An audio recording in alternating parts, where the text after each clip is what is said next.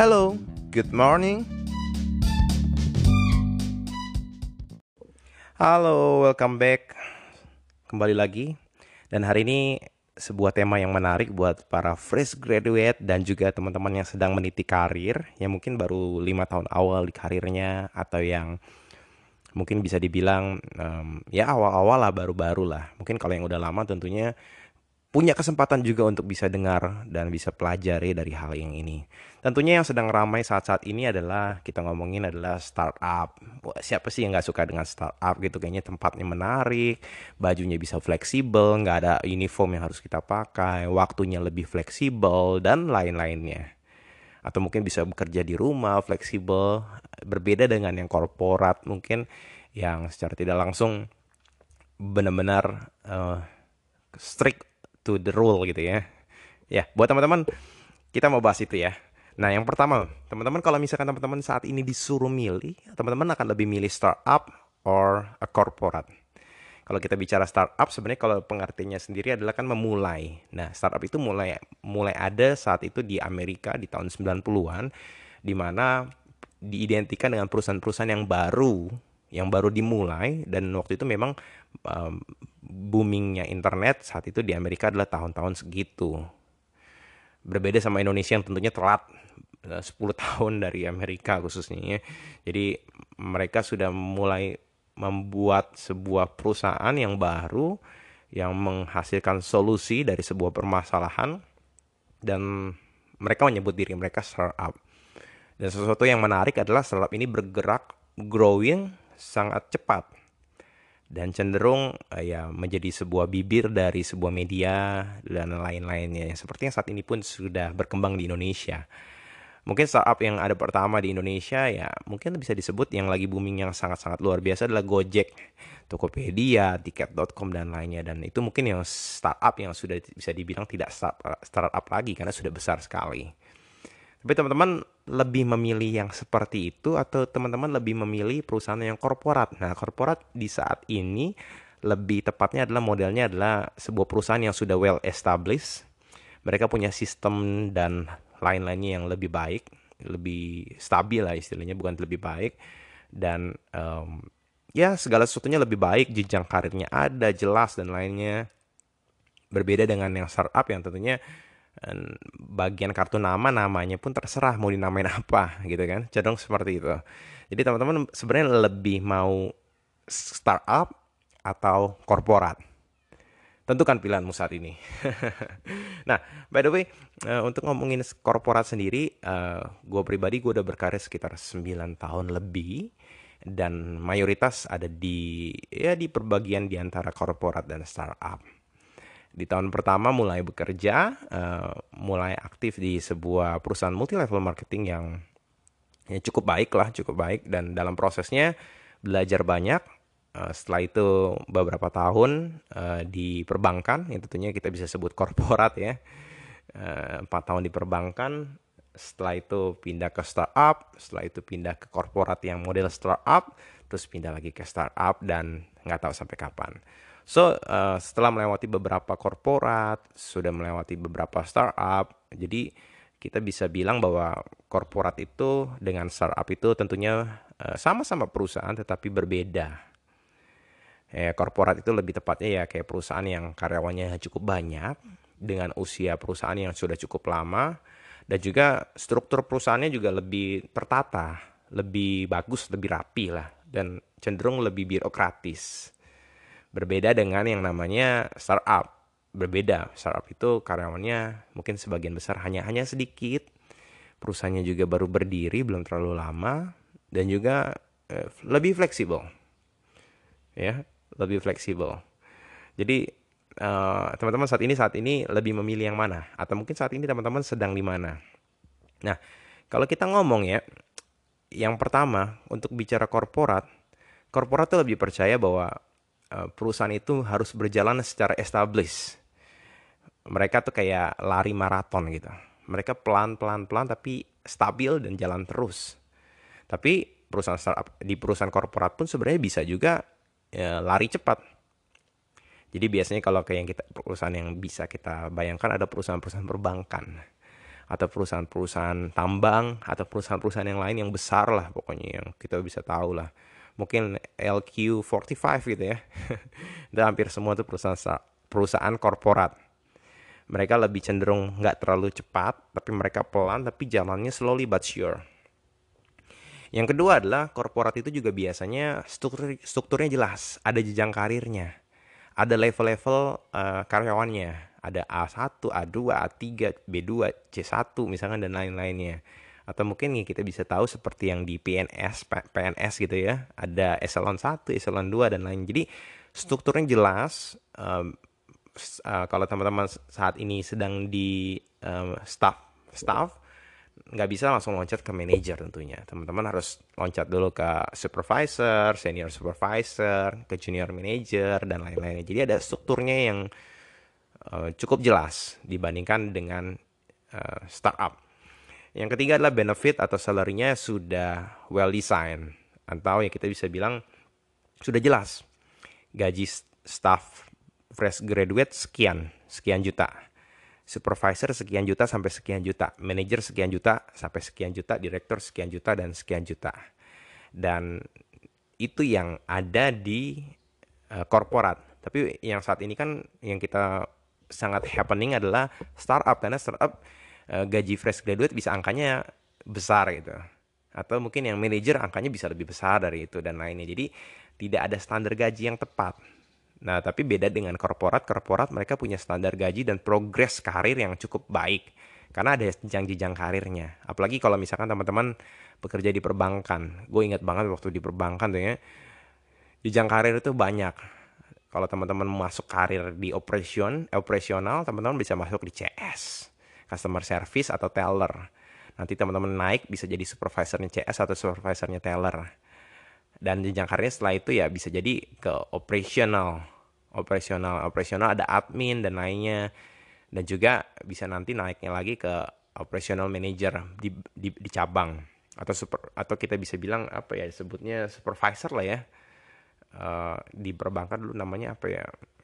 Ya kurang lebih supervisor gitulah orang kedua lah di cabang. Nanti kalau orang tua di cabang teman-teman mau ditingkatin lagi teman-teman bisa orang uh, operational manager uh, apa uh, vice operational manager di cabang utama. Jadi di cabang utama itu punya cabang-cabang pembantu. Yang tadi yang pertama kali disebut ketika teman-teman naik ke supervisor, supervisor, supervisor di cabang pembantu. Nanti bisa naik ke cabang utama, nanti setelah itu juga tentunya ada uh, cabang yang lebih besar lagi. Uh, istilahnya di area. Nah, teman-teman bisa jadi operasional di area tersebut. Nanti bisa lagi naik ke yang pusat, naik lagi nanti ke bagian yang lainnya. Atau mungkin kalau yang misalkan teman-teman yang marketing, teman-teman bisa mulai dari MT, manajemen trainee, mulai dari RM atau PB gitu ya, personal banker atau relationship manager nanti naik-naik bisa kepala cabang gitu. Kepala cabang pembantu nanti naik lagi kalau mau naik karirnya lagi ke, ke kepala cabang utama naik lagi kepala ke cabang yang utama yang area naik lagi bisa ke uh, direktur. Direktur uh, retail naik lagi bisa ke korporat dan lainnya yang tentunya jenjang karirnya jelas dan panjang. Tetapi beda sama startup startup tentunya berbeda. Jelas berbeda. Yang pertama, kalau kita ngomong tadi ya, um, startup lebih fokus. Kalau tadi maraton, startup itu lebih sprint. Mereka akan ngejar kecepatan. Kecepatan adalah sebuah hal yang penting. Apalagi kecepatan dalam growth dari sebuah uh, bisnis mereka. Mereka akan kejar revenue-nya. Bukan kejar yang bisa dibilang ya tadi slowly but sure kayak maraton gitu. Mereka kan kejar revenue-nya sebesar besarnya basket basketnya semakin besar dan lainnya. Keuntungan sih belum tentu untung tapi yang penting mereka kejar untuk apa? Valuasi. Valuasi untuk apa? Untuk nanti diinvest kembali dan bisa bekerja lebih lagi. Nah selanjutnya adalah yang tadi ya uh, mereka terlalu birokratis kan ya. Kalau di startup tentunya jam kerjanya fleksibel. Menurut kita itu menarik ya tapi jangan salah. Artinya fleksibel di sini adalah teman-teman bisa masuk siang. Gue ingat banget waktu gue pekerjaan yang ketiga saat di sebuah startup fintech di situ jamnya suruh masuk jam 8 8 siang 8 pagi. Kita ada absen tapi absennya itu ya sekadar formalitas saja jadi yang gue lakukan adalah gue selalu datang jam 9 lebih setengah 10 gitu ya kadang lucu sih. Bahkan lebih luar biasanya adalah uh, eh, gue kadang lebih telat datang dari dibanding sama CEO gue CEO gue bisa datang lebih dulu dibandingkan gue dan selanjutnya adalah uh, pulangnya bisa fleksibel. Kadang ya namanya fleksibel ya bisa pulangnya lebih malam dari jam 5 bisa juga lebih cepat. Tetapi yang namanya fleksibel teman-teman harus sadar bahwa fleksibel bahkan jam malam pun kita bisa sambil meeting Artinya adalah fleksibel, siap dipanggil di mana pun, kapan pun, saat dibutuhkan. Sabtu Minggu tetap aja kalau memang harus ada kerjaan yang pasti dikerjakan juga. Namanya juga startup. Ya enggak? Yang kedua, startup juga bisa bikin kita kayak uh, growing. Karir kalau tadi kan di uh, di korporat terus ada karirnya, jenjang karirnya, angkanya dan lainnya. Nah, startup ini karirnya tuh lebih fleksibel waktunya.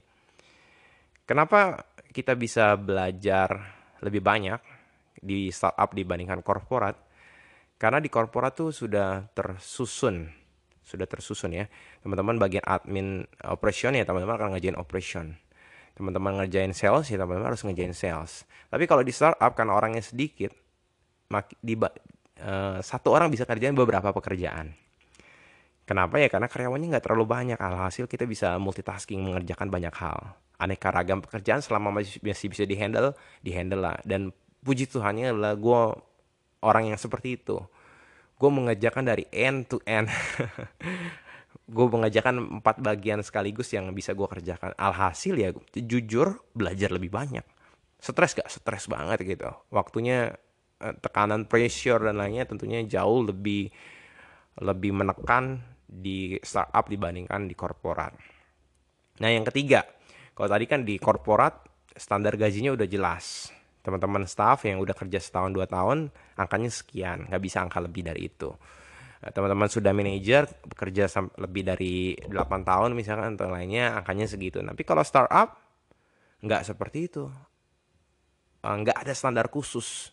Jadi manajer gajinya bisa puluhan juta misalkan. Atau eh, staff mungkin gajinya bisa lebih banyak dibandingkan staff biasa. Kenapa? Ya karena biasanya cenderung kalau di startup benefitnya nggak terlalu banyak. Gue pernah di perbankan, gue pernah di startup, gue pernah di korporat besar dan lainnya. Jujur benefit di startup lebih lebih sedikit dibandingkan benefit yang ada di perusahaan-perusahaan yang tadi gue sebutin. Benefit yang dimaksud apa? Asuransi. Level asuransinya berbeda. Apalagi ya misalkan uh, uang makan, uang transport dan lainnya, cutinya. Nah, kalau di bank lebih enak cuti bersama digabung dengan cuti tahunan. Jadi cuti tahunan 12, di tahun itu ada cuti bersama 6, jadi 18 cuti per hari, eh, cuti per tahun. Tetapi ya kalau di startup yang dulu pas awal-awal ya biasanya benefitnya nggak ada tuh yang seperti itu. Tapi kalau perusahaan startup yang sudah mulai besar mungkin udah ada asuransinya, udah ada maternity, udah ada dental, udah ada glass. Tapi mungkin angkanya nggak sebagus dari angka perusahaan-perusahaan korporat. Ya gak? Bahkan di startup juga ada yang kasih makan siang. Ya di korporat juga ada sih yang besar besar nah yang keempat kalau tadi kita ngomong um, bicara tentang korporat itu ada jenjang karirnya jangan jangnya panjang di startup itu lebih cepat. Benar gak sih?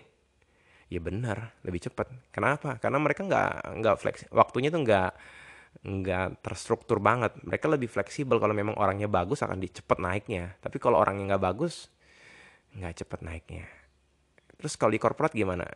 Korporat biasanya main waktu lama di situ tuh enggak? Ya bilang-bilang ya. Biasanya kalau udah lama di situ ya dipromosi ya dinaikin yang lama dulu. Kenapa? Karena mereka merasa bahwa yang lama itu orang yang lebih penting dan loyal. Loyal jadi sebuah hal yang menarik buat perusahaan-perusahaan korporat. Ya kalau perusahaan startup ya lebih cepat promosinya. Bisa nggak? Bisa aja. Tapi ya hati-hati karena berbasis uh, siapa yang lebih hebat, lebih bagus, lebih performance ya tentunya orang lebih berlomba-lomba gitu. Jadi uh, pressure-nya, bantingan-bantingannya dan juga cenderung cepat keluar, cepat masuk, cepat keluar. Jadi uh, retentionnya nggak bagus kalau bicara tentang startup karena orangnya bisa ganti-ganti terus karena pressure-nya tinggi dan lainnya. Nah, itu yang kita harus pikirkan. Tapi kembali lagi ya, sebenarnya yang teman-teman harus pikirkan adalah bukan masalah di korporat atau di startupnya. Di manakah teman-teman ahli di bidang tersebut? Dan di manakah teman-teman punya minat di bidang tersebut? Seperti yang tadi saya bilang bahwa yang gue bilang kalau startup itu lebih cenderung ke perusahaan teknologi yang bergerak cepat, yang fokus di satu bidang gitu.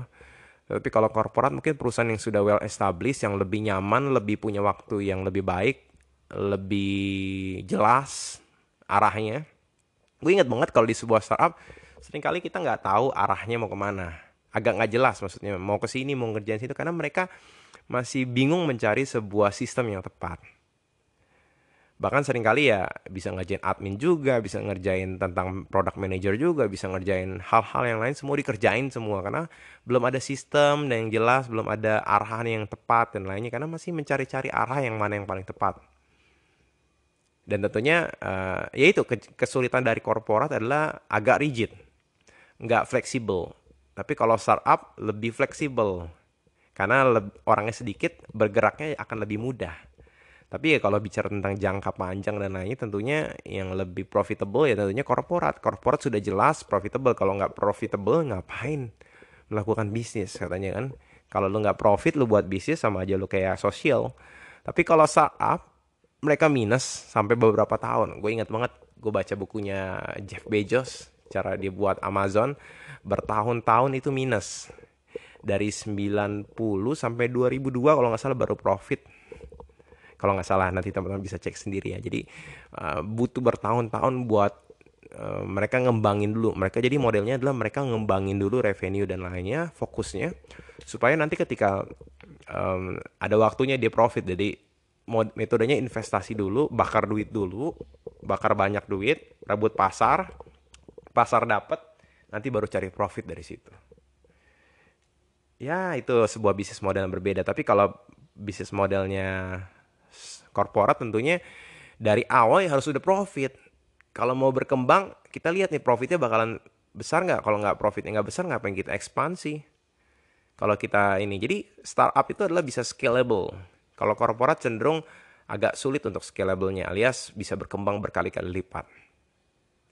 Bukannya nggak bisa, bisa tetapi karena prosesnya mereka sudah apa ya sudah stabil, mereka butuh hal-hal yang harus mereka lakukan nggak bisa sefleksibel itu nggak bisa seenak itu untuk bisa melakukan perpindahan pindahan atau perubahan sebuah visi ya jadi kembali lagi ke setiap masing-masing dari kita kita memilih yang mana nyaman aman tenang tentunya teman-teman akan bisa pilih perusahaan-perusahaan korporat yang besar yang tidak mungkin bangkrut tapi kalau teman-teman di startup ya ada risikonya perusahaan ini gagal dapat pendanaan duitnya habis, running, kekuatan runningnya habis ya habis juga.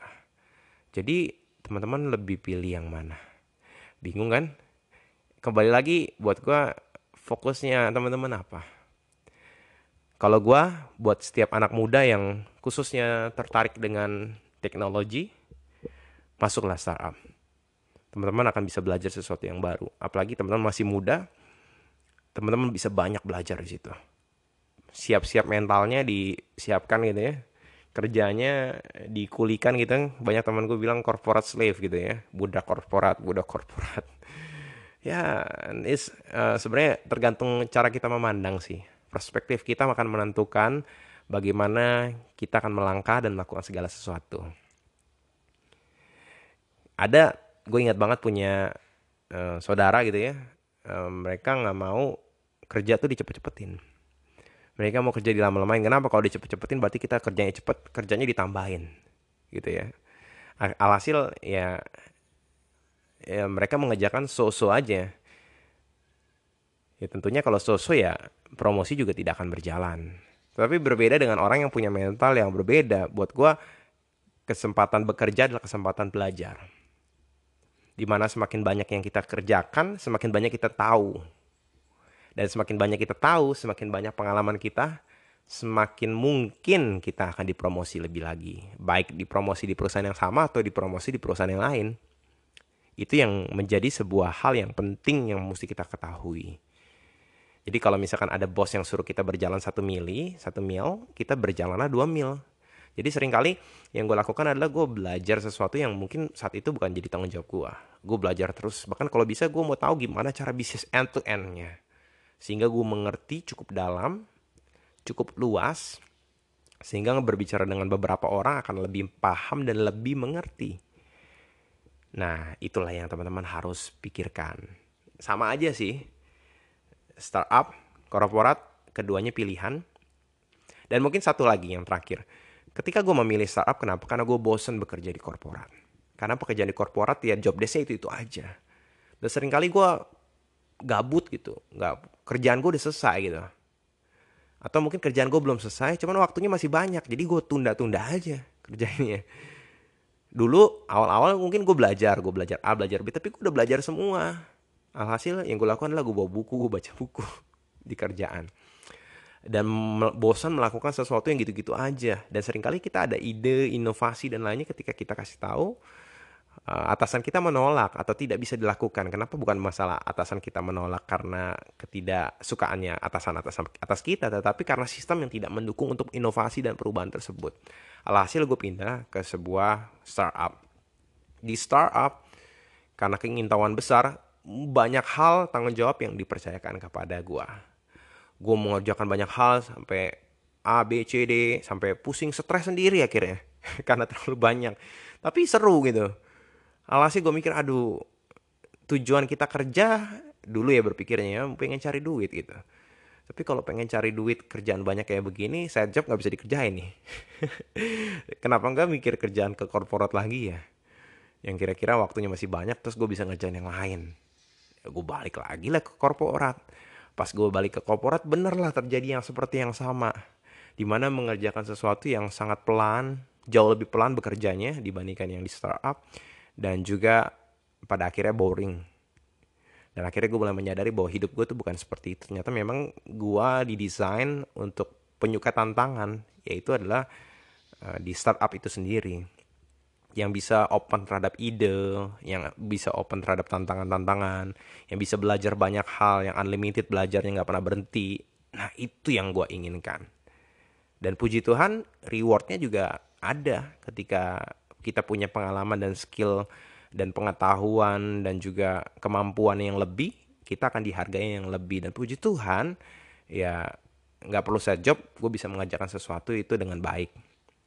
Jadi Eh, kembali kalau gue sendiri ya gue lebih memilih startup. Khususnya karena lagi tren saat ini juga bisnis masa depan dan lainnya bahkan juga berpikir kenapa enggak ya buat startup gitu meskipun agak sulit dan lainnya. Ya itulah hal-hal yang menjadi impian dan hmm, apa ya rencana gitu. Tapi nggak salah juga ketika orang-orang memilih untuk bekerja di korporat karena udah pasti jelas jenjang karirnya bekerja berapa tahun di situ teman-teman akan bisa dapat peningkatan uh, income, peningkatan karir dan lainnya. It's okay, it's, it, itu kembali lagi ke pilihan masing-masing. Sesuaikan dengan kebutuhan teman-teman, kemampuan teman-teman dan juga uh, apa ya appetite teman-teman. Gitu aja sih dari gua. Oke, okay? see you and God bless you. Bye bye.